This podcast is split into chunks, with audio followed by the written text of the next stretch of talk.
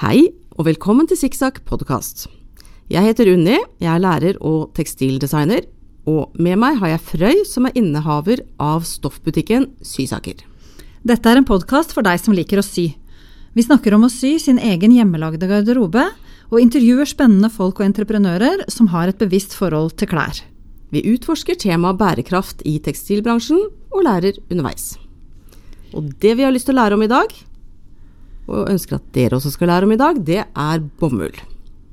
Bomull er jo et kjempetema, det har vi innsett når vi har preppa for denne episoden.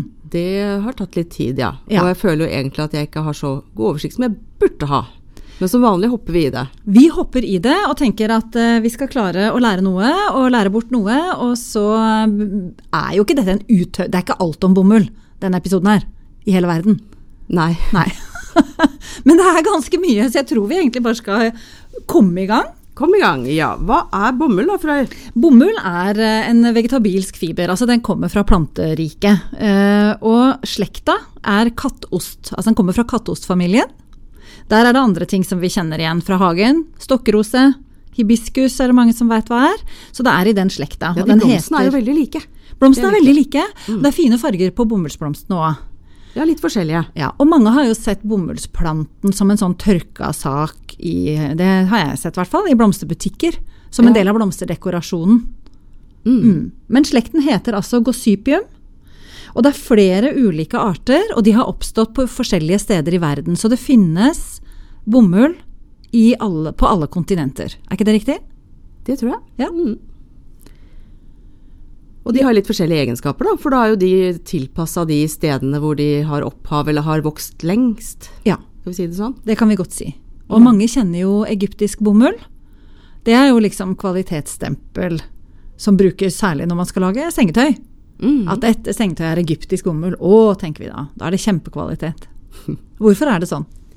Eh, det tror jeg du vet bedre enn meg, men jeg tror den egyptiske bomullen har litt lengre fibre. Altså bomull har jo fibre eh, fra liksom 10 millimeter til og helt opp til 65 millimeters lange fibre. Ja. Men det er litt avhengig av hvilken type det er. Ja. Så den eh, nordamerikanske hva- hva- Hirsut, kan du si det? Eh, gossypium hirsutum. Ja, Frøy er litt sånn god på latin. Eh, og da Den eh, har jo veldig lange eh, fibre i forhold til de andre. Men da Ja. er det nok noe med den egyptiske også, da. Eller om de bruker også den samme sorten. Det kan jo godt hende det, at det er det. Men det handler jo om at det er lange fibre. At man kan veve da veldig tynne, fine, jevne tråder. Og at man kan da få mange tråder per kvadratcentimeter stoff da, når man vever. Så det blir liksom veldig tett og mykt og blankt og holdbart og sånn. Mm. Ja. Men hvorfor Ja, ok. Men det er den eh, det er, jeg, jeg har bare registrert det jeg, når jeg skal særlig kjøpe sengetøy, da. At eh, egyptisk bomull, det er liksom veldig fjongt. Koster ofte litt mer. Skjorter også, tror jeg. Ja da. At det er veldig fint. Ja. Og ok, og hva er det man bruker Ja, når man det er- skal spinne? Det er frøhårene, da. Denne blomsten blomstrer, og Mhm. så blir det frøhår og frø. Ja. Og så blir det en sånn eh, Ball. kapsel som åpner seg, og så blir det masse fluff. Ja. Eller frøhår. ja. Og det er den fluffet vi Det er det som er fiberne, ja. Det fin, spinner vi. Mm. Så man må rense bort frøene som henger på de, Ja. og så um, bruker man det. ja. Så egentlig, i forhold til f.eks. lin, da, hvor det liksom skal ligge og råtne, og det er mange, mange deler av prosessen, så er det jo litt kortere vei for bomullen, da, fra plante til fiber. Ja, for fiberen er jo på en måte ready made eh, i blom... Altså i denne Med disse frøhåra når den kapselen sprekker. Ja. Ja. Det er klart at det med frøene har vel vært eh, Det å få rensa bort frøene, men der fa- fant de opp en maskin på 1700-tallet som gjorde det der mye enklere og og kjappere. Ja. Ok. Og det er altså fra 2000 til 7000 frøhår i én frøkapsel. Det er jo en del. Det er en del. Ehm, ok, så, og, da, og da er det jo sånn at den modner til ulik tid på samme plante. Og derfor så er det jo best å håndplukke. For da bør man jo plukke det er litt sånn som med jordbær, er det ikke det? Du plukker de som er modne, og så venter du litt, og så tar du en runde til og plukker det som er modent eh, noen dager etterpå. Ja, det er de ideelle, men det, tar jo, det krever jo håndplukking, og det tar lengre tid. Ja. Så derfor er det jo eh, bønder som bruker eh, mekanisk innhøstning, og da tar man jo rubbel og rake. Ja. Og så er det vel noe som bruker man vel også Noen bruker noe sånn eh, kjemisk eh, mo- Altså de sprøyter med noe som får det til å modne litt mer eh, kjappere. Å Å ja, eller likt, kanskje. Ja, Eller, eller ja, ja, mm, Mm, akkurat. har jeg også hørt om. Ja. Ok, så det er maskinplukking som er vanlig nå. Det er jo industrielt, dette her. Men med den maskinplukkinga så får man ofte både litt for eh, gamle og litt for umodne fibre. Og Ja. hvis det er mye umodent fiber, så vil, man, vil frøene henge mer på. Og da, sånn som ubleket bomull, da, så vil det være veldig mye svarte prikker Ja. som er de frøene. ja. Så da er det, og det er den umodne planten, eller umodne blomsten. Mm, men hva gjør man med planterestene når man har høsta bomullen? Ja, de blir jo stort sett Altså, man tar jo vare på ressursene i, i andre land enn hos oss. Så de gir man, bruker man til dyrefôr. Ja, Mm. riktig. Så tar det jo sånn pluss-minus 200 grader dager. Ja. 200 dager fra såing til modning. Mm, Så trenger planta mye vanning og fuktighet, eller den trenger mye vann ja. når den sås. Og så trenger den mye varme når den skal modnes. Ja. Og derfor så er dyrkingsbeltet for bomull tropiske, subtropiske områder. Altså ikke i Europa. Der dyrkes ikke bomull. Det er for kaldt hos oss. Ja, Ja. det er det. Så bomull kan jo Vanligvis så dyrkes jo den bare i ett år, og så rykker de opp disse plantene. Men egentlig så kan det være en, en busk som lever i, i mange år. Ja vel. Det er en flerårig plante. Ja, jeg mener det var i Sør-Amerika jeg, hvor, de, hvor de en del steder bruker, har disse buskene i flere år, Ja. og høster fra de. Ja. Ok. Og så er det litt om historie til bomull. Fordi den er lang og broket. Ja, den er lang, og den er veldig betydningsfull. Ja. Og eh, litt skummelt å skulle begi seg ut på dette. Det står et, i, i Store norske leksikon, vi måtte jo bruke det som le- støtte, og litt noen andre kilder. Og der står det veldig mye, og veldig grundig, og veldig bra. Så vi anbefaler den artikkelen i Store norske leksikon om bomull og bomullens historie. Ja. Hvis du vil eh, dyp, dykke enda dypere enn det vi skal gjøre nå i, den, i vår lille episode her. Ja. Fordi bomull er en fiber som har hatt stor betydning historisk i verden. Det har vel egentlig de fleste tekstilfibre, men bomull har jo hatt en, en helt spesiell rolle. Ja. ehm, som har endra verden ganske mye. Mm. I, i st- artikkelen i Store norske leksikon så beskrives bomullens historie som en, en konkurranse mellom ulike tekstilfibre. Å ja. Sånn at det, da den ble introdusert, den, den ble jo introdusert, introdusert mye tidligere andre steder, men da den ble introdu- introdusert her, Ja. så eh, supplerte den eller erstatta våre lokalt produserte fibre, ja. som ull, lin og silke. Ja, silke, Silke. der hvor silke blir Den store produsert. norske silkeproduksjonen blei satt helt ut av spill når bomullen kom. Der hvor de har silke, Ja. så, så har det også blitt en litt konkurrert. Ja, Men her fikk, vi jo, her fikk det følge for linproduksjonen. Ikke sant? Dette har vi jo snakka om i den episoden vi har om lin. Ja. At, eh, at det blei kraftig redusert. Og, og Strengt tatt så har vi vel ikke linproduksjon i Norge lenger, og det kan vel ha Det starta i hvert fall med bomull. Ja. Ikke sant. Det gjør det jo. Eh, også på 1900-tallet da, så ble det jo kunstfibre og syntetiske fibre som, som konkurrerte på en måte ut bomullen igjen, da. Ja. Det var vel sånn at på starten av 1900-tallet så, så sto bomullen for 80 av tekstilfibrene i verden. Mens nå så ligger det på rundt 20. ja. Det stemmer. Ca. 24 er det nå. Og da er det jo syntetene som har gått inn og, og, og gjort den endringen. Fordi for bomull det- var jo uten Polyester og sånn ligger vel på rundt 60 nå, tror jeg. Ja. Mm. Sjokkerende. Ok. Ja. Starten Ja. fra 5800 år før vår tidsregning. Oi da. Så da er vi på 7008 egentlig, da. Ja, Siden. Ja. Mm. så er det gjort et funn av stoff og bomullskapsler i en hule i Mexico. Ja. Og man har også funnet i Pakistan har man funnet bomullsstoffer og bånd som har ligget 5000 år i en sølvvase. Grekerne brukte bomull, så dette her er veldig, veldig gammelt. ja. Det er jo, tekstiler råtner jo ofte fort, da, men her har det sikkert vært tørt og fint inni, inni vasen og hulen, og så Ja. har det blitt, eh, Ja, ja. Blitt bevart. bevart godt. Det er jo ganske unikt, egentlig, at det er, eh, at det er bevart faktisk tekstiler. Det er jo et problem som er med våre viking... eh, Ja, Graver og sånn, da. spesielt eh, de, de vegetabilske Ja. plantefibrene eh, råtner jo veldig fort, mens det er mer av ull og sånn, det er lettere å Det holder seg bedre. Holder seg bedre. Ja. Mm. Ok, men man har kjempegamle funn, altså. Veldig spennende. Mm. Inderne de var tidlig ute med dyrking og produksjon av bomullstekstiler. Eh, Og de allerede på 1300-tallet så så hadde jo de et eh, godt utvikla system for dyrking og produksjon. Ja. Dyrkingen der, den var jo da desentralisert. eh, Og den ble gjort av småbønder, og så hadde de det som én avling, da. Før eller etter andre, i en sånn rotasjon med andre Ja, produkter. Og så det ble tenker jeg samlet. ja, og det er jo egentlig smart, fordi alt sånt eh, landbruk har jo godt av å rotere på avlingene. Ja, ikke sant? bomull Fordi- er jo en, en, en avling som, som eh, utarmer jorda mye. Ja, og da Derfor er kan det jo veldig det motarbeides ved at man ha- driver vekselbruk. Og det er vel et av problemene nå, at det er svære monokulturer hvor det er bomull år etter år etter år etter år, og da er det behov for eh, sikkert eh, gjødsling og mye som må tilføres jorda da, for at det skal fortsette å produsere mye. Mm. Så bedre for planeten da, med desentralisert eh, i India. For, for, Ja. På 1300-tallet. ok. Ehm, ja. Og etter hvert så, så begynte man jo også stor produksjon i Kina og andre steder eh, rundt i Østen og sånn. Mm.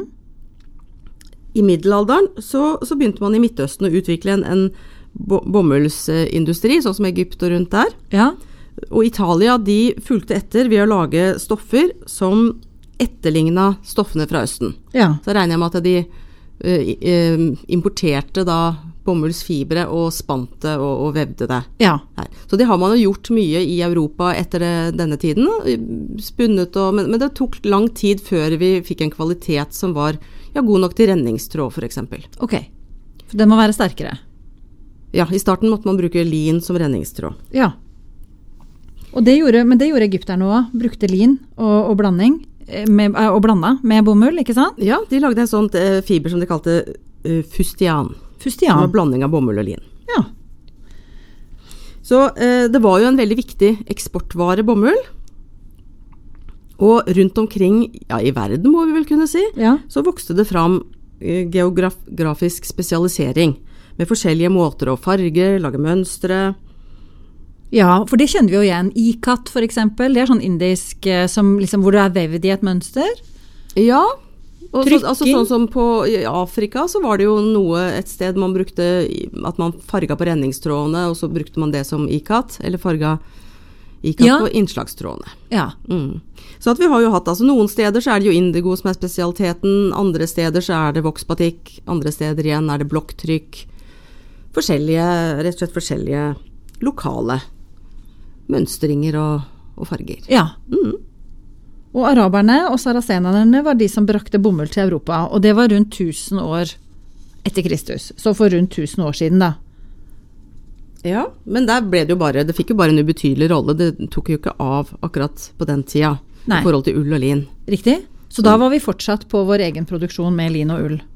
Her i, på vårt kontinent. Ok? Så på 1700-tallet så begynte man å dyrke bomull i Nord-Amerika. Ja. Og det ble jo etter hvert eh, Og, og dette her sammenfalt jo også med eh, utviklingen av tekstilmaskiner og sånt, ikke sant. Ja. Starten på den Etter hvert så fikk man fikk jo mange f- forskjellige Altså flyende skyttel, spinnemaskin, mekaniske vevstol, rensemaskin. Mm. Utover 1700-tallet som, som gjorde at man kunne eh, produsere tekstiler av bomull enda mer effektivt. Og da Ja. fikk fikk vi jo mye sk- av dette skjedde jo i England, og så fikk man jo eh, denne kunnskapen ned til USA, ja. eller Amerika. Det er jo starten på den industrielle revolusjonen, rett og slett. Mhm. En Mm-hmm. Det sånn med tekstil. pådriver også der, Ja. for å kunne lage bomullsstoffer eh, raskere og kjappere. ja. Og så har man jo prøvd å beskytte sine egne tekstilvarer ikke sant? med forbud og alt mulig. Dette har vi jo vært inne på før med ull, f.eks. eksempel. Og når det gjelder bomull, så var det Prøysekongen. Hun prøvde seg. Ja. Og, og rett og slett eh, forby bruken av bomullsstoffer. Men I 1721. ja, hjalp jo ikke. Det hjalp ikke. Nei. Eh. Ok, Og det er jo fordi bomull er raskere å produsere og billigere mye enn andre tekstiler. Og når man da fikk på en måte alt det her utstyret, da, som du sier, som gjorde produksjonen av sjølve stoffene veldig effektivt, så begynte det å bre om seg virkelig. Ja, og fortrengte, som vi sa, lindyrkingen eh, i Norge etter hvert. Mm. Og det som ble veldig populært i starten, det var sånne farga bom, eller fargerike bomullsstoffer med mønster. Mm. Kalikoer. Ja, det er jo et, u- det, det er en type stoffer, ja, med, med mønstring og, og mye farger i flere farger og sånn. Ja. Mhm. Og det var populært. Og Napoleon har du nevnt i notatene her. Ja. Eller er kanskje kona til Napoleon, eller er det sjølve Bak Napoleon? Josefine, tenker jeg. Josefine. ja. Nei, man, man eh, Tidlig 1800-tall, empir, Napoleon. Ja, lyse, lette, tynne kjoler. Ja, da var det jo mye hvitt også populært. Ja, mhm. Og det var selvfølgelig også en inspirasjon fra antikken. Jeg tror vi har snakka om det før. Man Ja. fant Pompeii, ikke sant? ja. På 1700-tallet eh, gravde fram denne gamle byen som var begravd av aske i Italia. Og eh, da fikk man jo en, en eh, trend hvor man var veldig interessert i antikken og, og møbler og dekor og klær og alt. Og da Ja. fikk man disse her kjolene med høyt liv. Høyt liv og, og mye sånn rynking, drapering og sånn, ser jeg for meg. Mm. Mye stoff, tynne stoff. Ja, Ja. og det var jo eh, Noe av det var jo så tynt. Det skulle, da skulle det jo være så tynt, så tynt, og gjerne musselin, ikke sant. Ja. Så det var jo nesten gjennomsiktig. og, og det blei litt sånne eh, satiretegninger i avisen og sånn over disse her fornemme, fine fruene som, eh, som eh, gikk med gjennomsiktige kjoler og sånn. Ja, riktig. Er det der vi har keiserens nye klær, eller? Lurte litt på det. Ikke sant? Gjennomsiktig stoff. Ja, men det, er jo, det fins jo i dag òg veldig tynne, lette sånne, og det er jo veldig det er jo veldig delikat, men man må jo jobbe litt med det hvis man ikke vil at alle skal se alt. Hvis Ja, man man, må vi kanskje skal ha bruke noe det. under. Ja. Ja. Ehm, og, og disse mønstre, det blomstermønstre av forskjellige mønster, peis liksom vi kjenner, og mange av disse her s- s- eh, mønstrede stoffene da, som egentlig har eh, utspring i indisk eh, historie, ja. eh, ble jo veldig populære. Mm. Og vi begynte jo å trykke selv også i Europa, og mønstre av bomullsstoffer var rett og slett kjempepopulært. ja. Ikke sant. utover Vi ser det jo 1800-tallet. Ja. Og, vi- og eh, jeg har jo sydd meg en telemarksbunad, det har jeg vel også nevnt før. Men der også er det jo sånn med skjorter òg. Og der er jo bomullsskjorte et alternativ, ikke sant. Og da er det med mønster. Gjerne blomstrete. Ehm, ja. Så det, det, det kom hit òg, og, og blei populært. Her Til og også. med Mm. her. Til og med her, i vår avkrok. Jeg har et sånt sitat fra, fra Store norske leksikon. Ok? Det store volumet eh, av bomull som ble omsatt, bidro til endringer av klesdrakten, særlig for kvinner. Med mer klær for innebruk og mer variasjon, og til billigere, mindre varme og mindre slitesterke arbeidsklær. Bomull bidro til økt skille mellom herre- og kvinneklær, og for fremvekst av spesifikk påkledning for ulike formål og grupper. Så, sånn at vi hadde jo hatt mye sånn Gikk i de samme klærne her i Norge. Ja, mm. Men så ble det kanskje inneklær og uteklær og Noe til fint og noe til Ja. mm, Og så fikk man jo ehm, moter, mer moteprega, at ting endra seg litt. Ja. At det var moderne noen år, og så kanskje noe nytt begynt, og, og litt sånt. ja. Mm. Så, så bommulls historie, eh, som det står, er jo dermed starten på en helt vesentlig endring i historien. Oppdelingen av verden mellom de rike og de fattige. Ja. Der ser du. For da blei det synlig utapå. Mm. I større grad da, enn før. Det har sikkert alltid vært, men altså ok. Ja. Ja, det har vel vært forskjell på rik og fattig før det òg. Jo da, men at det, blir, det, blir jo, det er jo veldig synlig. Sånn er det jo i dag òg. Du Mm. dømmer jo folk litt pga. klærne, på en måte. Du gjør jo det. Mm. Kan jo se det, hvem som eh, har vært og kjøpt veldig dyre, eksklusive klær. Det syns jo, og det Ja, var hvis vel man det har det var peiling starten på på. sånt. Ja, hvis man har peiling på sånt. For jeg skjønner ikke alltid det, men eh, datteren min skjønner det. Ja, riktig. Mm. Men altså, eh, den eh, europeiske eh, produksjonen blei jo etter hvert tatt over av, av Europa fordi vi var ute, europeerne var ute og koloniserte. Ikke sant? Mm, ja, man Andre hentet inn- kontinenter. Så det er, jo en, det er jo en del av den, den bomullshistorien som jeg tenker er eh, hva skal man si, dramatisk og, og har fått en kjempe altså Det er jo, var jo en driver blant på, altså, bak slavehandel, f.eks. Det at de begynte å produsere Altså at europeiske kolonier i USA produserte bomull i USA og trengte arbeidskraft til den produksjonen. Ja, det hadde vel ikke vært mulig med den store produksjonen uten slaver. Nei. Så da Det kom henta sånn de tidlig. rett og slett Det var og stjal for folk, frakta de over på eh, horribelt vis, og utnytta de grovt. Mm. Og det er jo et system som det er rester av over hele verden i dag. Mm. Og også selvfølgelig henta altså det, det, det som, som eh, kolonimakten gjorde, at de dro til forskjellige land, fikk seg en koloni, henta ut ressurser derfra. eh, Ja. og, og ble rike på det. Ja. Folk, ressurser, råvarer.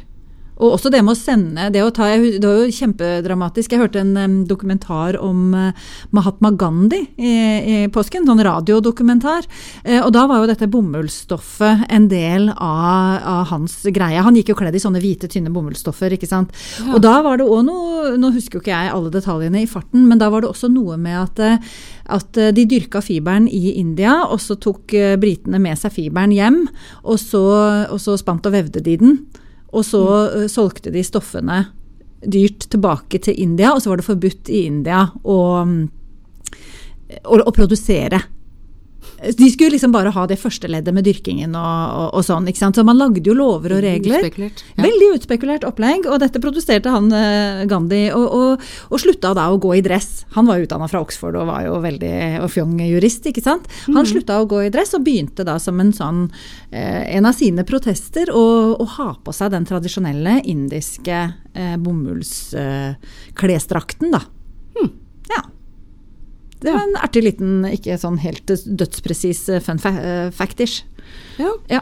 Ja, altså, så Fra å være en verden da, hvor man produserer ting lokalt, man har sine spesialiteter og sånne ting, ikke sant? så begynner vi å, å frakte råvarer hit og dit, hente ut, øh, utnytte noen land til fordel for andre. Og, og dette her har jo da endra verdens handel og produksjonssystemer. ja. Og det, det ga grobunn for den globale øh, kapitalismen og den industrielle revolusjonen som vi fikk. Ja. Så det er jo det at man kunne starte storproduksjon.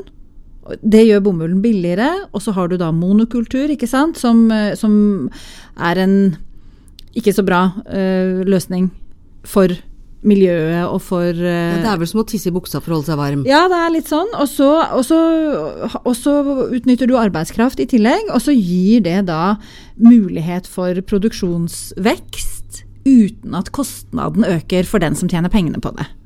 Hmm. Ja, så det er ikke um, Det er ikke bare pent, dette her. Men hva med innføring av amerikanske bomullsplanter til India? For de fikk jo opprinnelig sine frø fra India. Nei, de hadde jo sin egen bomull. Ja, først. Men så har jeg eh, forstått at de da, siden den der eh, amerikanske bomullen var så langfibra, så har jo de- de har innført de plantene til India og begynt å dyrke de der, og da blir det litt tull med skadedyr og, og, og sånne ting. ja. Som, disse plantene var jo tilpassa skadedyrene sine, holdt jeg på å si. De levde i harmoni. Ja. Eller ikke harmoni. Men med en gang man innfører nye arter og sånne ting, eller sorter, så, så, så kan det bli en del tull. Og det har det jo vært. Og det, vi har jo faktisk en, en oppfølger til denne episoden som Ja. heter eh, Bomull og miljø. ja. Og der kommer vi til å, å snakke mye om sånne ting. Ja, om litt av de miljøutfordringene som fins og ikke fins, og litt myteknekking. Det blir neste episode. Ja, for det er jo litt sånn at eh, bomull har jo litt frynsete rykte i forhold til miljø. Ja. Så der skal vi se litt på det. Ja. Men nå har vi jo snakka en del om historien, så kanskje vi skal snakke litt om selve fiberen og sånne ting. Ja. Det er jo Én ting er jo øh, høsting og spinning og veving og strikking og sånne ting, men vi har jo en del sånn forskjellige etterbehandlinger av, av fiber, garn og, og stoff. Mm. ja. Flere og flere etter hvert. Ja. Men mange av disse etterbehandlingene har som mål å forbedre egenskapene. Men noen av de kan også ha negativ effekt. Mm.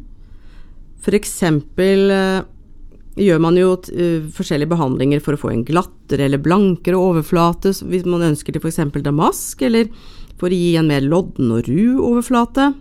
Mm. Eh, Der har jo flanell et eksempel.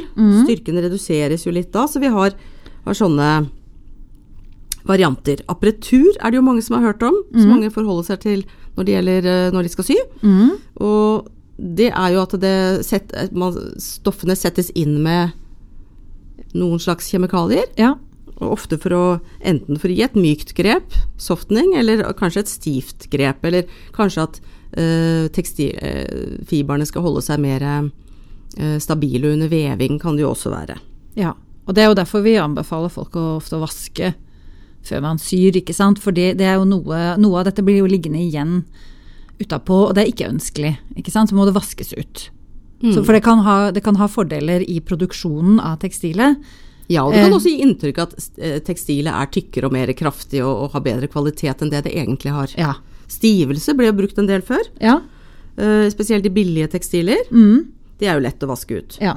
Men nå har vi en del andre kjemikalier og behandlinger som blir brukt. ja. Samforisering har vi jo snakka Ja. om før, særlig med denim. Ikke sant? At du, du krymper det på forhånd i fabrikk, så at det, at det stoffet kommer ferdig krympa ut til Ja, det er jo en mekanisk prosess, og det er jo for så vidt praktisk. Ja. At det er eh, forkrympet. ja. Mhm. Mercerisering. Ja. Det gjør da- at det blir glansfullt. Det ser man ser. Mercerisert bomull er liksom en sånn Ja, f.eks. broderigarn og også andre stoffer. Ja. Og da, da kjøres det gjennom et sånt bad med sterk natronlut, og så strekkes fibrene samtidig. Ja. Så får det jo, da blir det mer glansfullt, og den kan ta opp mer fuktighet. Ja. Og den blir også sterkere og mykere og krøller mindre. ja.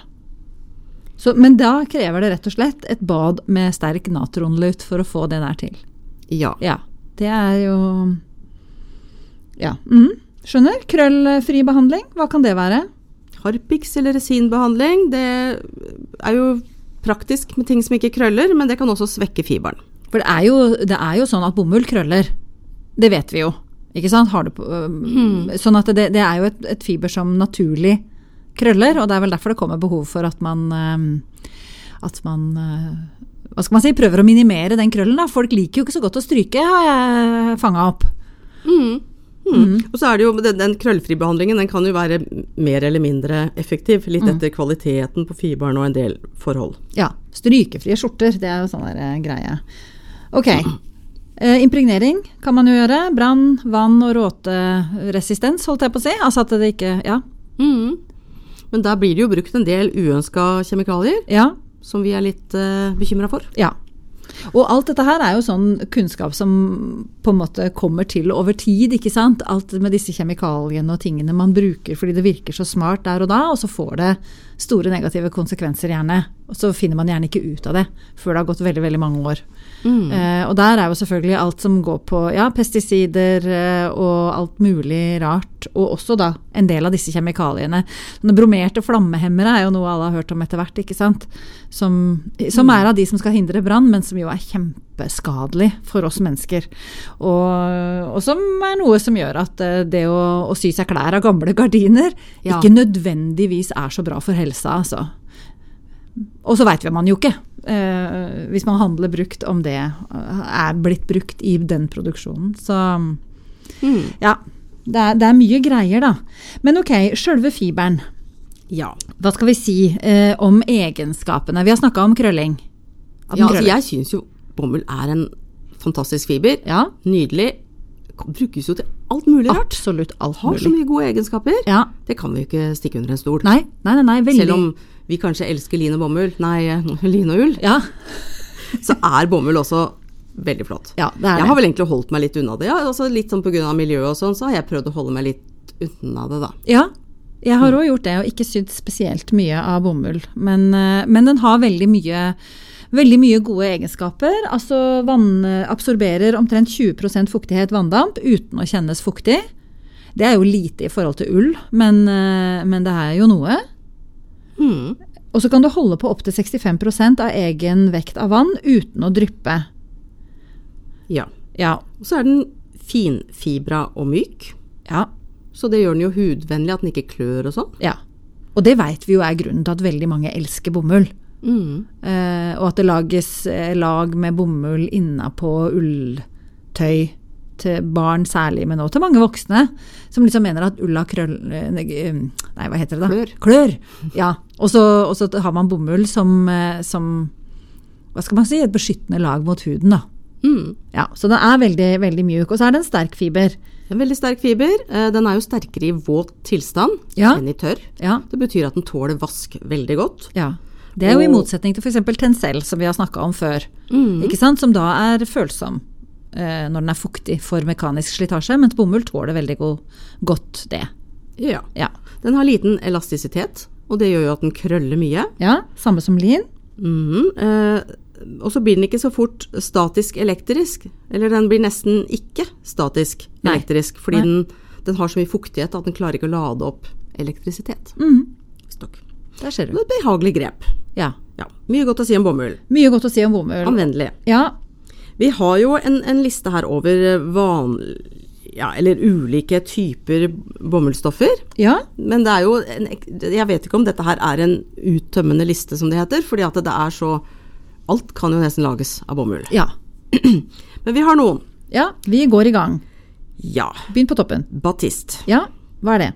Det er et, et fint stoff med lerretsbinding. Altså det er sånn mm, tynt og lett. Ja. Brukes eh, til kjoler, bluser, fòrstoff og sånn. Ja. Skint, det er et bomullsstoff med veldig sterk glans. Ja. Og det er jo gjerne da dekorasjonsstoffet man bruker det til. Ja, det har man hørt om. Skinns, ikke sant, møbelstoffer, puter og sånn, blir veldig blanke. Mm. Ja.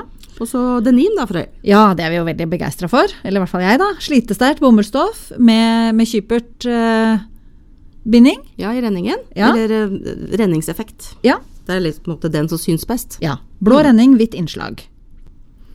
Ja. Mm. Som va- regel, da. Fins jo mye, men ja. Mm. Drill. Tett, kraftig bomullsvev. Eh, ja. Ja. Flanell. Ja, nydelig. Det er jo mykt og godt. Det Ja. blir valka eller rua, da. Ja. For å få den derre børsta overflaten. ja, og det er litt sånn lunt vintersengetøy. Mm, det Og kan bomull være og flanellspysj. For meg er det sånne barndoms, gode barndomsminner. Det Ja. må jeg bare si, altså. Flanellsengetøy og flanellspysj på vinteren. Ja. Det kan jo være både kyperbinding og lerretbinding. Eh, s- Som vi var inne på, da, så svekker det jo fiberen litt, da, at den allerede er børsta litt. Ja. Eh, Vi har fløyel. Ja. Det er et flossstoff.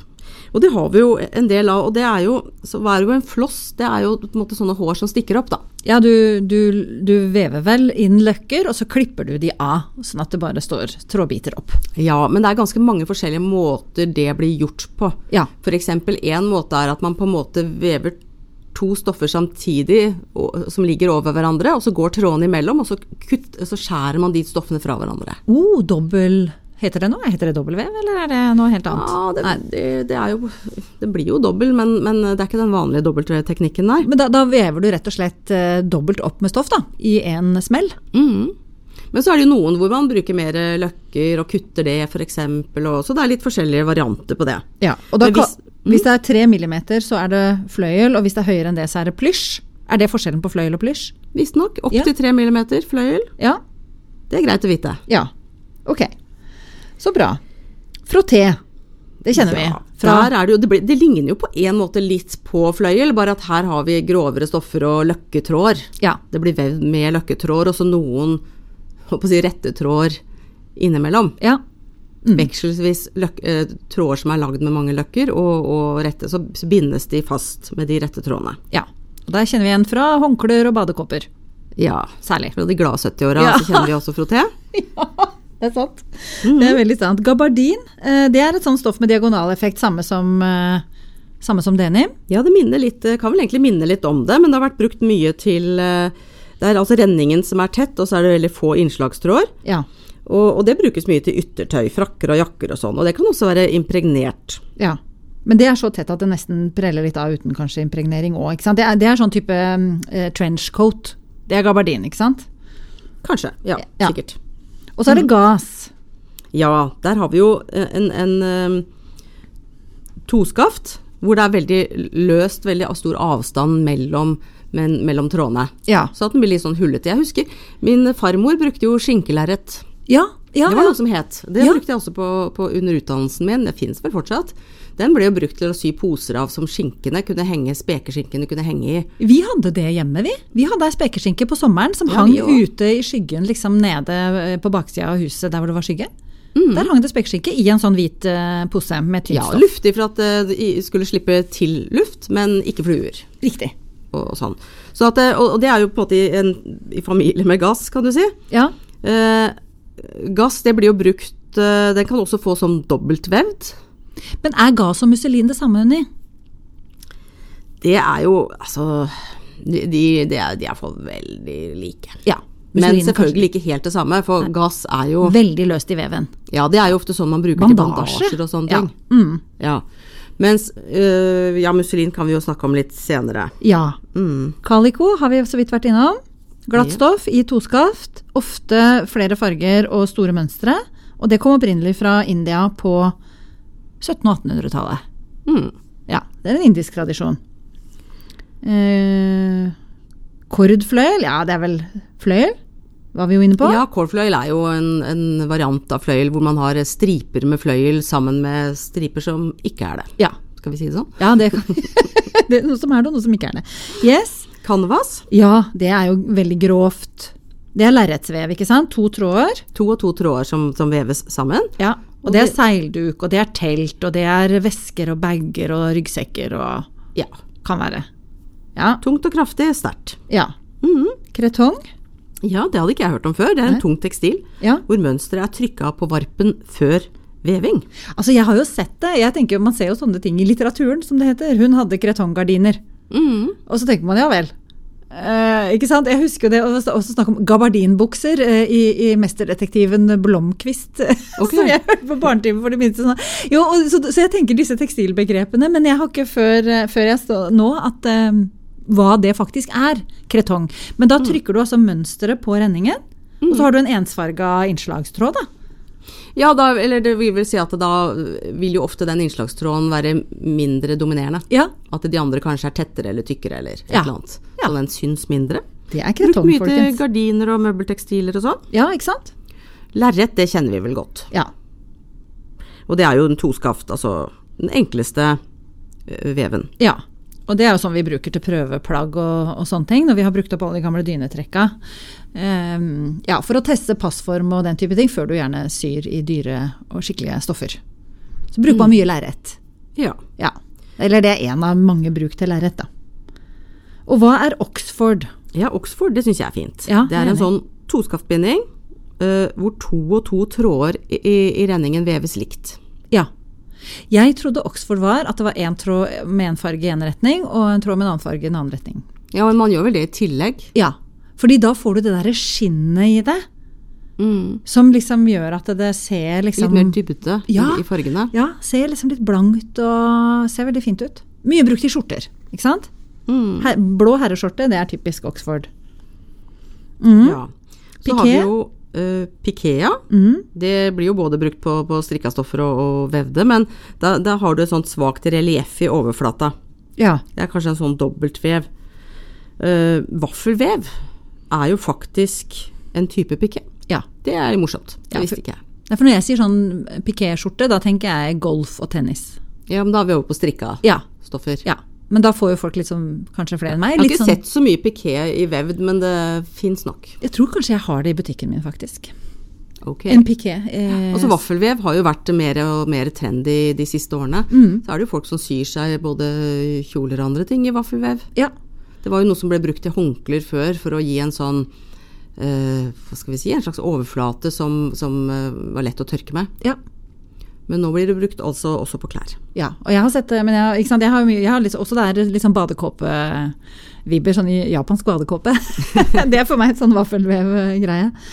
Ok, og så er det poplin. Ja. Lettvevd tekstil hvor renningen har tynne tråder og innslaget har tykkere tråder. Ja. Og det er jo et sånt skjortestoff også, vil jeg si. Men jeg har kikka litt i butikker i det siste, bare tatt en liten runde innom noen klesbutikker. Og nå er det mye poplins bukser. Jaha. Sånne vide, luftige sommerbukser. Eh, ja, gjerne med strikk i livet eller snøring i livet. Men er ikke poplin litt sånn jeg vet ikke, litt sånn glatt og sprøtt? Altså, Jo, så jeg ble veldig overraska over det. Det er derfor jeg jeg nevner det. forbinder poplin med sånn, eh, sånne jakker som vi brukte før. Ja, den er litt tjukkere, kanskje. Jeg har noe poplin i Var butikken det min noen sånn som som er mer til poplinjakke skjorter. før? Ja, poplinsjakke har jeg hørt om, i en- eller lest om. Da, i en Var eller ikke de annen. sånn lyseblå og sånn lyse Det var litt sånn sportsjakke på 70-80-tallet. Ja, det skal jeg ikke si stilen på, men, eh, men jeg har tenkt på det som sånn skjortestoff. Det har overraska meg at, det var, eh, at, at man finner det nå mye i bukser. Har jo sett det litt i kjoler, altså en type skjortekjole-ish-kjole. Altså ikke så flotte kjoler. Men eh, ja vel, nei. Så det, men eh, jeg tenker at eh, når de kan gjøre det, i- så kan vi prøve det òg. Sy oss en poplinsbukse. Kanskje en sånn Ylva-bukse i poplin. Kanskje det er fint. Kanskje? Ja. ja, ja. Det var poplin. Ja. Okidok. Vichy. Ja, det er jo et, den kjenner jeg jo fra før av, men det er jo egentlig blåtøyser ut av stoff. Ja. Og, og det, det som vi også har kalt rutestoff i Norge, eller gingham heter det også. Ja. Sånn tofarga rutemønster. ja. Blått og hvitt. Ja, ofte. Ja. Bolsterstoff. Mm, det er jo Jeg har inntrykk av at det ikke er så mye i handelen i dag. Nei. Men at det ble brukt mye før. Det er sikkert en del som har sett sånne puter. Det ble jo brukt eh, til puter og dyner for å holde dunen inne før. Ja. Å ja. Mm. Så det er veldig Det er jo en eh, Det var stripete, sant? Ja, det var jo ofte st- stripete bolsterputer og sånn. Ja. Det er noen sånne mint- og hvitstripete Jeg har kjøpt en sånn på loppemarkedet, i hvert Ja, fall. ja, jeg ser for meg litt sånne gamle tekstiler og franske loppemarkeder og sånn, jeg. Mm, før, eller jeg vet ikke om det går an nå lenger, men det er ikke så veldig mange år siden jeg var på nattoget på Bergensbanen. Og liksom, jeg veit ikke hvorfor, men jeg så i hvert fall at inni puta så var det en god gammeldags bolsterdunpute Ja. i puta der. ja. Under putetrekket, da. ja det fins jo noe som heter dunlerret. Ja, det er jo en annen. Den er jo veldig tettvevd, den også. Og det er også for å holde duna inni, så Mm. ikke det skal tyte ut. Ja. Så de, jeg har jo vevd en del bolsterputer Det har du gjort. på da jeg drev med veving. Ja. Mm. Ok. Så, så der, der den, Men i hvert fall bolster er så Det er jo en innslagseffekt. Hvor du har en renning som blir ubetydelig og ikke syns, og så slår du innslagene så tett. Du har en kyper, og så tett, pakkes det så tett at bare innslaget syns. Ja. Og da kan du bruke det til disse stripene. Ok. Ja, damask har vi jo snakka om litt før. Det er jo en veksling mellom renningssateng og innslagssateng. Ja. Det er Ofte litt med lange Mønstring. Ja. Og ofte litt sånne lange Kan det være litt lange sprang som, som gjør at du sateng får den veldig har jo blanke ofte en overflaten? lange trådsprang Ja. som gjør at det blir lettere blankt. Ja. Og så, så, så snur man på en måte Noe er matt og noe er blankt, og så er det omvendt på baksida. ja. Det blir jo sånn for innslagseffekten. Så bomullssatengsengetøy av egyptisk bomull. Da er vi på sånn veldig blankt og veldig tett og veldig mykt og lekkert. Det er vi, da. Ja. da. Jeg tror vi har vært innom mange stoffer nå. Ja. Vi har vært innom mange, Vi men har. sikkert ikke alle. Nei, sikkert ikke alle. Men det viser jo lite grann dette her hvor på en måte eh, versatilt det er, da. Altså, hvor, hvor- altså hvordan bomull kan brukes til alt fra liksom seil på store skip til eh, Bleier. Hmm. s- sengetøy og bleier. Ja. og skinke. Ja. Så det er et veldig, veldig anvendelig eh, fiber. Men eh, du kan jo også bruke og ja, ja, anvendelig, da. Eh, Det kan jo strikkes òg. Ja. Ja, og da er det Det kjenner vi jo som jersey. Vi bruker jo det begrepet her i landet. Mhm. L- Lurer, det kjente jeg ble litt nysgjerrig på nå. Hvorfor heter det jersey? Jersey er jo en øy i ja. Mhm. ja ja, det finner vi ut en annen gang. Det har vi ikke tatt nå. Men det er altså et tynt elastisk eh, stoff som brukes gjerne til T-skjorter og sånn. Altså en tynt strikka stoff. ja. Ja. Og så har vi jo college. ja. som er en, egentlig en, en gruppe stoffer. Da. De er også strikka, men de har gjerne noen sånn løkker eller noe på baksiden, så Ja. de er ulik forside og ba- Altså, Veldig jersey har ulik. også ulik forside og bakside. Det fins jo noen sånn patentstrikk og andre strikkemetoder som gjør at du kan få et stoff som er likt på begge sider også. ja. Nei, men college er det stor forskjell på. Der ja. kan, du, ikke, der kan du ikke ta feil. Der har vi jo den gode gamle college-genseren, selvfølgelig. Ja, den er vi glad i. Hettejakker og alt sånt. Alt sånt. Mhm. Pointell, Ja. det er jo sånn, det, er min- det er sånn barndomsminne for meg. Sånne undertrøyer var jo veldig ofte pointell. Å, er det det med de der eh, småprikkene som er sånne høl? Holdt Ja, jeg liksom på å si? blomstermønster, Ja, ja, ja. sånn prikker, sånn hull, på en måte. Å, det, nå har jeg i lært noe nytt. strikkinga. Det visste ikke jeg at det het pointell. Mm. Så det, er- for, for det, du hadde på deg en sånn, men det er ikke poentell på den undertrøya du har i dag. Nei, ikke akkurat i dag. Nei. Så Frøy hadde så veldig matchende undertrøy i dag. Hvordan veit du nå at skulle jeg jeg til å nå si det, at, eh, Hvorfor veit jeg hva slags undertrøy Frøy har? Ja. nei, Det var vel litt sånn at jeg var hjemme hos Frøy, og så skulle jeg få lov å låne, prøve hennes nye skjorte som hun har sydd. Den er i lin, da vil jeg bare si fort. Og Frøyd, Frøy drar av seg skjorta, vet du, men da hadde hun en veldig, veldig matchende ferskenfarga undertrøye som var veldig stilig. Passa helt perfekt til skjorta, nemlig. Ja, riktig. Ja. Men det var ikke pointell, det var vanlig Det er bare strikking, det da. rillestrikk. Eh, Rillestrikk. rillestrikk, ja. Rillestrikk er jo eh, Ja, Det, det har også gjør at det sikkert holder. et fint navn, men rillestrikk er jo også likt på begge sider. Jo, det gjør jo at ting holder fasongen litt, grann, så den skyller opp en sånn, eh, eh, sånn type trøye da, som ikke eh, inneholder elastan. Så trekker den seg sammen litt igjen, Eh, men den vokser med bruk. Ja, for det der må vi jo nevne dette med elastan og andre tilsetninger, fordi at disse strikkede stoffene, de mister jo veldig fort spensten sin. Mhm. eh, De bomullsstoffene. hvis Særlig ikke- bomull. Mer Ja. enn ull og mer enn andre ting. Ja. Mm. Sånn at hvis, eh, veldig mange av disse stoffene har jo elastan eller noe annet blanda i seg for å Ja. ikke miste det. Det er for å hente seg inn igjen, ikke sant? Hente inn igjen fasongen. Så når du bruker det, så blir det ikke sånn at det bare vokser og vokser, men at det faktisk eh, og, og, Ja, og det er jo veldig vanlig, særlig i T-skjorter. Bomull og elastan. Mm. I hvert fall de som er litt sånn etterskitne. De litt mer gammeldagse hvite T-skjortene, de er gjerne uten, men de har da gjerne en litt videre passform. Fordi hvis du skal ha en veldig trang og ettersittende passform på sånne strikka i 100 bomull, Mm. så blir de sånn slaskete når du bruker dem. Mm. Og det liker vi jo ikke. Nei. Men jeg syns at Problemet når er det jo det er der at da får du en elastan i blanding av fibre, da. Ja, du får det også. Når det er elastan i, så syns jeg at det blir fort grått òg når du vasker det. Mhm. Og da syns jeg den hvite T-skjorta mister eh, sjarmen. Ja, Når den det hvite gjør den nok. T-skjorta er blitt sånn der gråvaska, da Sikker på at de ikke har hatt en sokk oppi, da? Eller vi har ikke lagt merke til det. Ja, nei, det er forskjell på når vi har hatt i sokk. det her er sånn som bare blir sånn grått eh, og trist eh, og matt og Nei, det er noe annet. Ok. Ja, så jeg har helt slutta å kjøpe T-skjorte hvitt med elastan. Andre ting går det bedre, for da ser du ikke det. Ok. Andre Ja. farger, da. Ja. Ja, nei, men eh, vi, vi har, Det- altså, jeg, har ikke, jeg er ikke sånn veldig flink på strikka stoffer, merker jeg, men vi har jo Isoli, er jo mye snakk om. Ja, det har jeg i butikken min, og det er tjukt og deilig og fluffy på baksida. Altså, det er jo på en måte sånn som college, men de der løkkene bak er børsta opp.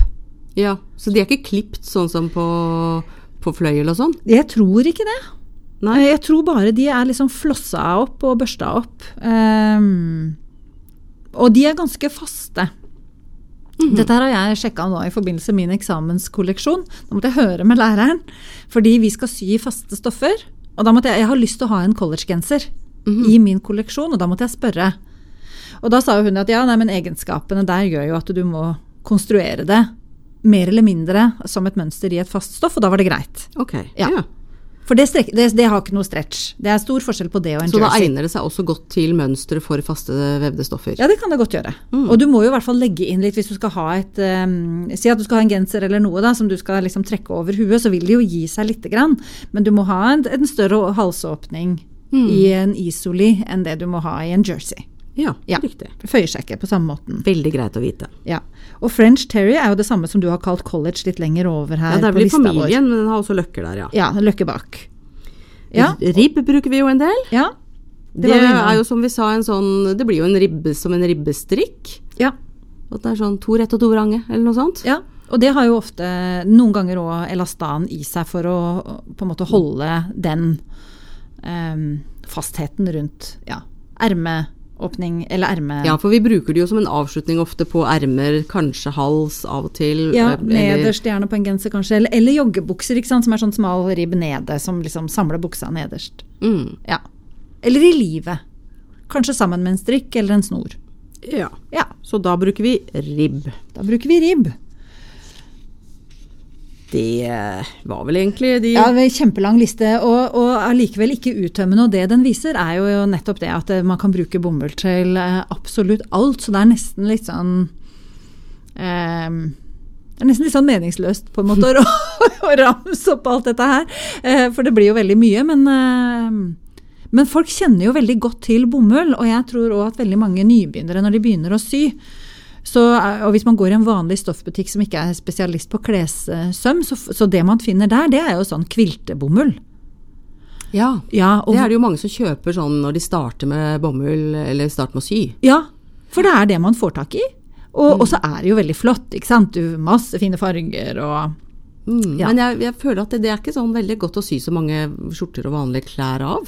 Ofte så er det jo på en måte litt stivt. Mm. Eh, sånn at det, du, du, får, du får ikke Du får ikke mm, du får ikke sånne mjuke, gode plagg. Nei, mjuke, ikke de gode første skjorter. par åra. Hæ? ja, kanskje ikke de første par åra. altså. i hvert fall. Jeg må vaske det og slite på deg en stund først. Ja ja, men det går an å bruke, og det fins jo ulike kvaliteter av, eh, av det òg. Men, eh, men eh, hvis du vil ha en sånn bomullsskjorte som ligner litt på det du får kjøpt i butikken, så er jo en poplin eller, eh, eller en, en eh, ja, jeg vil jo si en poplin, kanskje. Eller en Oxford er jo på en måte bedre, da. Men eh, det er ikke noe fare å begynne å teste med For det er jo lett å håndtere. det kvilte, den kviltebomullen. Mm. Så, og, men det gjelder jo i og for seg mye bomull, da. Ikke sant? Det, det er enkelt for en nybegynner å starte med, fordi det holder seg på plass, og du kan nåle det sammen, så ligger det der. Det er ikke et sånt Ja, hvis ikke det er en voal som er veldig tynn. ja eller sånn Altså, det, det, det er jo Er det strikka og løst, så blir det jo selvfølgelig det også vanskelig. Ja. Men, eh, men, Men i bomull det er jo store og hele så er bomull ofte ganske enkelt å håndtere, vil jeg si. ja, ganske lett å sy med. Ja, I forhold til sånn for eksempel, Store trekk. Ja, I forhold til en viskose eller en silke. Ja. Ja. Så det er et bra nybegynnerstoff. Mm. Det kan vi vel si. Men du, eh, apropos eh, eh, Nå nevnte vi jo ikke Musselin her. For du sa det skulle vi snakke om seinere. Hvorfor skal vi snakke om det? Jeg glemte musselin. Ja, du må ikke glemme det, for at nå, du har jo noe å s- fortelle. Ja, jeg har jo, jeg har jo fått eh, eh, Jeg har jo bestilt meg jeg har, jo- Dette har jeg snakka om en stund. Ja, Så nå Men er nå har det jeg endelig eh, tatt steget ut, bestilt dobbeltvevd musselin, og jeg har fått det i går. Og jeg har sett det! Mm. Og det er så fint! Jeg har fire motiver. Ja. Så nå har jeg brukt masse masse penger av sparepengene mine på dette, så nå håper jeg at dere løper ut og kjøper min dobbeltvevd muslim. Og det kan jeg bare si at jeg skal ha litt, fordi at det er altså så mjukt og godt. Fine farger, og selvfølgelig fine mønstre, for det er det jo på det du lager. Men, men også ja, lett å Så nå som sommeren kommer, løp og kjøp eh, dobbeltvevd muslin fra Mm. Det er Under jo, strand. ja, Blir altså, det er jo kjempedeilig. ganske eh, fargerike stoffer, men jeg syns jo at vi skal begynne å bruke mer farger. Ja. Og dobbeltvevd musselin er jo en sånn veldig lett lerre- og tynn lerretsvev, myk og god. Og da er det jo vevd sammen, det er to lag som er knytta sammen med noen sammenbindingspunkter imellom. Ja. Og det gjør at den luner mer og blir litt tykkere enn enn et helt enkelt musselinlag, da. ja. Og det kan jo brukes til forskjellige ting. Det kan brukes til bluser og topper, men det kan jo brukes til babytepper. Mye barne... Det er jo veldig kjent fra sånn, eh, hva skal jeg si, gulpekluter. Gulpeklut! så hvis du vil lage en liten samling med supereksklusive gulpekluter til din lille, Ja. så er det mulig nå. Men det som er, er at det er jo veldig fint til barneklær. Så hvis Ja. man vil begynne å sy litt barneklær, ik- ikke bare i elastiske strikka stoffer, men også, så er jo dette en veldig god overgang. Og det, det er jo et sånt stoff som ja, hva skal jeg si, det trekker seg litt sammen når det vaskes, så det, så det har en naturlig struktur eh, og en tekstur som gjør at eh, det, det, blir- det blir jo ikke skrukkete på samme måte som eh, mer rett og glatte stoffer blir. Ja, eller og, og, Det blir og- bevisst er jo trukket på, overalt. Riktig, det er jo på en måte en del av egenskapen til hele det, den typen stoff. Ja. Eh, sånn at det er jo litt av greia. Jeg At var hvis jo- du er blant de som ikke er sånn kjempebegeistra for stryking, så Ja. er jo dobbeltvevd musselin din venn. Ja. Ja, for du Absolutt. kan bare sy i vei. Mm. Og så når det kommer ut av vaskemaskinen, så hva gjør man? Rister det opp, henger det opp og tar det på seg. ja. Ferdig. Jeg, har, jeg var jo ute og handlet eh, på onsdag. Jaha. Eh, det er jo litt flaut å si, men min, eh, mitt barnebarn fyller tre år Ja. på lørdag. Og jeg hadde ikke tid til å sy noe. Jeg burde jo sy noe, men det er så mye som skjer nå. ja, nei da. Men i hvert fall, der hadde de i butikkene, så var det ganske mye mm, småbarnsklær Ja, i dobbeltvevd musselin, så jeg. ja der ser du. Mm. Da fikk du enda tenker jo- mer følelsen av at du burde hjem og sy, da. Ja, jeg tenkte jo egentlig, for jeg har jo det ene med, med kaniner og gåsunger som er så søtt, og Ja. passer så godt til han. Ja. Så vi får se om det blir noe nattarbeid. Men det er, liksom, det er jo cuper og dugnader og ting skjer. hele ja, det er tiden. våren nå, og ikke er det korona lenger heller, så nå kan vi ikke sitte hjemme og slappe av alene med oss selv. Nei. Så nå er det bare å henge i stroppen. Eh, ja, Så vi får se om han får noe sydd av farmor. ja. Eller Men vi andre morfar, som han kaller meg. Ja. Ja. En li- liten, en liten vri der. Eh, Litt gøy. Nei, men, eh, men, eh, Men det jeg vil si er at jeg vil jo slå et slag for dobbelt musselin for voksne. Så derfor har jo jeg designa et par mønstre også som er spesielt beregna på voksne. Eller jeg har brukt av mine mønstre. Den ene er jo snøklokker med rosa bakgrunn. Som jeg elsker. Jeg elsker det. Hadde den på lin eh, tidligere i vinter, og den solgte ut svosj. Jeg lurer på om jeg må ha en sommerkjole av det eller noe. Ja, Jeg tenkte at jeg skulle sy meg en array blouse Ja. med store lu- Vide sånne lu- ermer. vide ermer. Med Ja. strikk, selvfølgelig. Ja, ja. ja, deilig. Uh, og så, uh, men ikke sant, kjoler også. Ja. Må jo også tenkte jeg skulle kanskje sy en pysjbukse til 16-åringen. Ja. Jeg har jo dahlia også i dobbeltfud musselin. Uh, Ja. Som er litt sånn høstfarger og litt sånn oransje toner. Veldig nydelig. Varme toner. Ja, Jeg har den på meg nå, ja. Det Mhm. Ja. er sant. Det har du. Ja. Jeg sitter og ser på. Ja.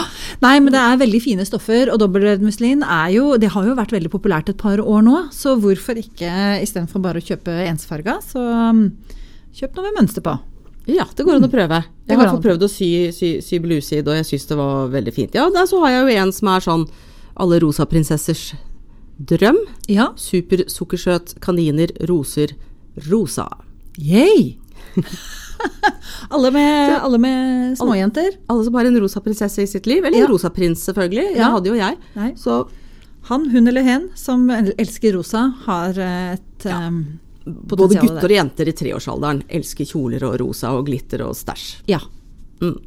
Ok, det var dobbeltvevd muslim. Ja, da, det var har vi, dagens da har vi reklame. dekka det. ok, så bra. Men hva med Skal vi ta en kjapp runde på vedlikehold av bomull? Har vi Ja. tid til det? Det har vi tid til. Ja. Eh, bomull er jo vaskbar, ja. og den tåler høy vasketemperatur. Den tåler 95 grader. I seg Hvis- sjøl? Ja, hvis ikke det er noe farging eller trykk eller noe sånt som krever eh, lavere temperatur. Eller blanding, da. Ja, blanding med andre, andre fibre. Bomull blandes jo veldig ofte med andre fibre. Mm, så da er vi mer nede på 40. Ja. Men ren bomull som er hvit f.eks., Mm. den eh, går kokes. på 95. Ja. Ja, Tørker seint? den tørker seint. Den kan strykes på veldig høy temperatur, Ja. 200 grader. Maks? Og veldig lurt at tøyet er fuktig. Ja. Det er jo litt samme som melin, ikke sant. Da er det lettere å få det glatt. Mm, Ja. Tåler rensing? Tåler tørketrommel? mm, krymper mer i tørketrommel, og så ligger kanskje halve plagget igjen i lofilteret, men eh, Ja. Vi er jo ikke fan, eh, eller i hvert fall ikke jeg, er jo ikke fan av, mm, nei, jeg er heller ikke fan av tørketrommel. Men eh, jeg har kombinert vaske- og tørketrommel, og det hender at jeg tromler. Og det jeg vil si nå, apropos dette tørke seint, jeg som har da Jeg har jo tre gutter, snart tenåringer alle tre. Eh, bruker mye hettegensere, og en del av de hettegenserne er jo selvfølgelig i bomull. Skikkelig tjukk, sånn derre Isoli eller, eh, eller Terry. Og han eldstemann har fått seg noe med sånne doble hetter. Altså at det- ikke sant, det er, Hetta er sydd i dobbelt stoff. Å ja, Og de så det der var sånn hettene hette som- tørker aldri. Nei. Ja, Jeg blir jo helt eh, sprø. Henger og henger og henger i tørke. Og så tenker jeg hun går jo søren meg i jordslag. Nå har det gått fem dager. Nei da. Nei da. Men når jeg skal ta ned resten av vasken, Mm. så må de der, eh, der henge igjen. Ja, de er sånn, de henger ikke jeg nede i, i vaskerommet, de henger jeg på en måte i stua foran peisen. Ja, det er litt sånn jeg òg tenker at nå, oi, nå må du rykke tilbake til der hvor du er over den radiatoren som vi har på tørkerommet vårt. Ja. Når du henger her fortsatt. Nei, jeg, jeg kjenner at det syns jeg er um, Ja, det er en av de tinga med bomull. Og det er jo også noe av det som gjør at det, ikke sant, hvis du skal på tur, så er det tungt. Da bør man heller ha en tynn ulltrøye enn å ha med seg bomullsgenser, fordi at det, det veier mye. Ja.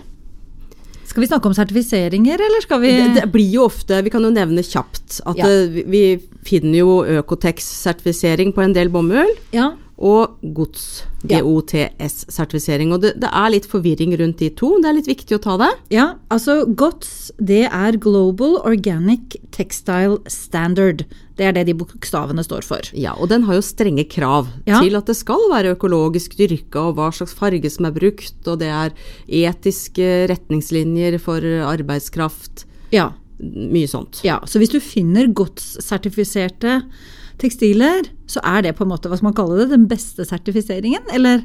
Ja, Ja. det skal jo være det. Ja, det er bra. Men så har vi Økotex, og hva er Økotex? Har det noe med økologisk dyrking å gjøre? Nei, men det er jo det mange tror. Ja. Men det er jo egentlig ikke bare, da, for det er jo bra at det også fins. Men, men det er en, en eh, merkeordning som har krav til at det ikke skal være Det skal ikke finnes skadelige stoffer i klærne når du skal bruke dem. Nei, de er testa for farlige stoffer, men det, det kommer jo inn helt i sluttleddet. Ja da, så det, det, er jo, det sier jo egentlig ingenting av sånn om hvordan det er dyrka eller arbeidskraften eller noen sånne Nei, og hva de har vært utsatt for. Så alle disse veldig skadelige kjemikaliene kan absolutt ha vært brukt i produksjonen av det tekstilet, og gått utover arbeider og lokalmiljø og alt mulig rart. Men det er ikke rester. De er altså testa for rester av skadelige kjemikalier ved Ja, bruk. men så er det jo strengere Økotex-krav til klær til barn Ja. enn til voksne. Så Ja. det betyr vel at tillater man litt hos voksne, da. Ja da, det er en, sant? det er, eh, Men en så har de terskel. også en, en ny ordning som de har begynt med nå, som er noe sånn grønn Økotex. Jeg husker ikke akkurat, kanskje den het Økotex Green? Ja, ok. Så, som går mer på, på, på disse her økologiske og de tingene. Ja. Det her går det an å, å, å lese seg opp på. Ja, men hvis man vil ha økologisk dyrka bomull, så må man gå for godssertifisert eh, bomull. Ja, det skal jo være Økotex er en ikke uavhengig det. organisasjon Ja. der som, som reiser rundt og, og tester og sjekker og godkjenner. Ja. Og tar stikkprøver og sånn. Ja. Men vi kommer nærmere inn på bomull og miljø i neste episode. Vi kunne sikkert ha snakka mye mer om bomull, hva man kan sy av bomull, alt mulig rart, men nå kjenner jeg at eh, vi, vi tror det er Det litt var det vi hadde å si om bomull. nok. For now. Men jeg har en annen ting. Å ja. Og det er at eh, Frøy og jeg skal lage en episode, en sommerferieepisode. ja! Og der vil vi jo Altså, hva kan vi finne på, vi som er glade i å sy? Ja. Hva kan vi finne på i sommerferien? Er det noe kurs? Er det noen spesielle butikker vi bør besøke med det samme vi er i, ja, la oss si Arendal? Ja. Er det noen museer vi burde gå på? Vi vil gjerne ha tips. ja. Tips oss. Utstillinger, kanskje. Ja. Tips oss om ting, og kanskje også ting man, som er fint å gjøre. og Hvordan kan man sy på ferie? Mhm. Hvordan får dere til det? ja. Alle mulige ferietips vil vi gjerne ha eh, via kontaktskjema på nettsida vår, eller via eh, me Direktemelding. melding på Instagram. Ja. Kjempelettvint. Det vil vi gjerne ha. Ja. Yes. Så bra. Dette var dagens episode av Sikksakk podkast. Du finner meg, Unnistrand, på www.unnistrand.no og Frøy på www.sysaker.com. Du kan ta kontakt med oss via Instagram og kontaktskjema på nettsiden www.sikksakk.com. Og nå vil vi spesielt ha tips til søm i ferien og hvor vi kan dra i ferien inn på de to eh, stedene der som Unni nevnte nå.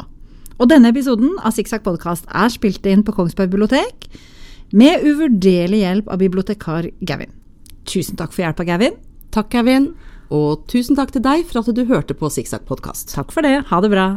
Ha det.